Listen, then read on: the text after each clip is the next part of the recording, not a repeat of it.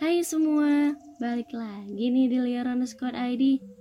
Kalau kemarin kita bahas tentang hujan, sekarang kita mau bahas tentang anaknya nih. Yap, air. air adalah salah satu sumber kehidupan manusia dan makhluk lainnya. Ada beberapa hal yang bisa kita pelajari dari air loh. Yuk kita bahas.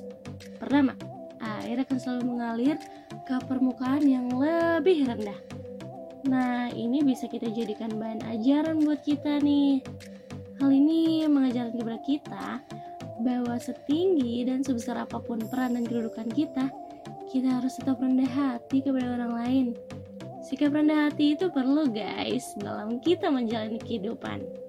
Yang kedua, air bisa melubangi batu walaupun setetes demi setetes dalam jangka waktu yang lama bahkan bikin batunya terkikis sampai hilang.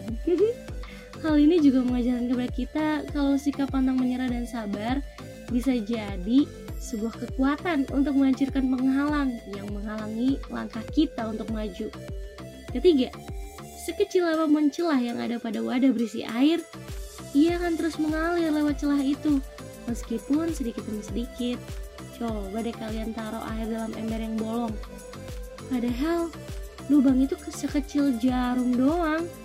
Tapi air tetap bisa keluar lewat lubang kecil itu. Hal itu mengajarkan kita bahwa sebesar dan sesulit apa pun masalah yang kita hadapi pasti ada jalan keluarnya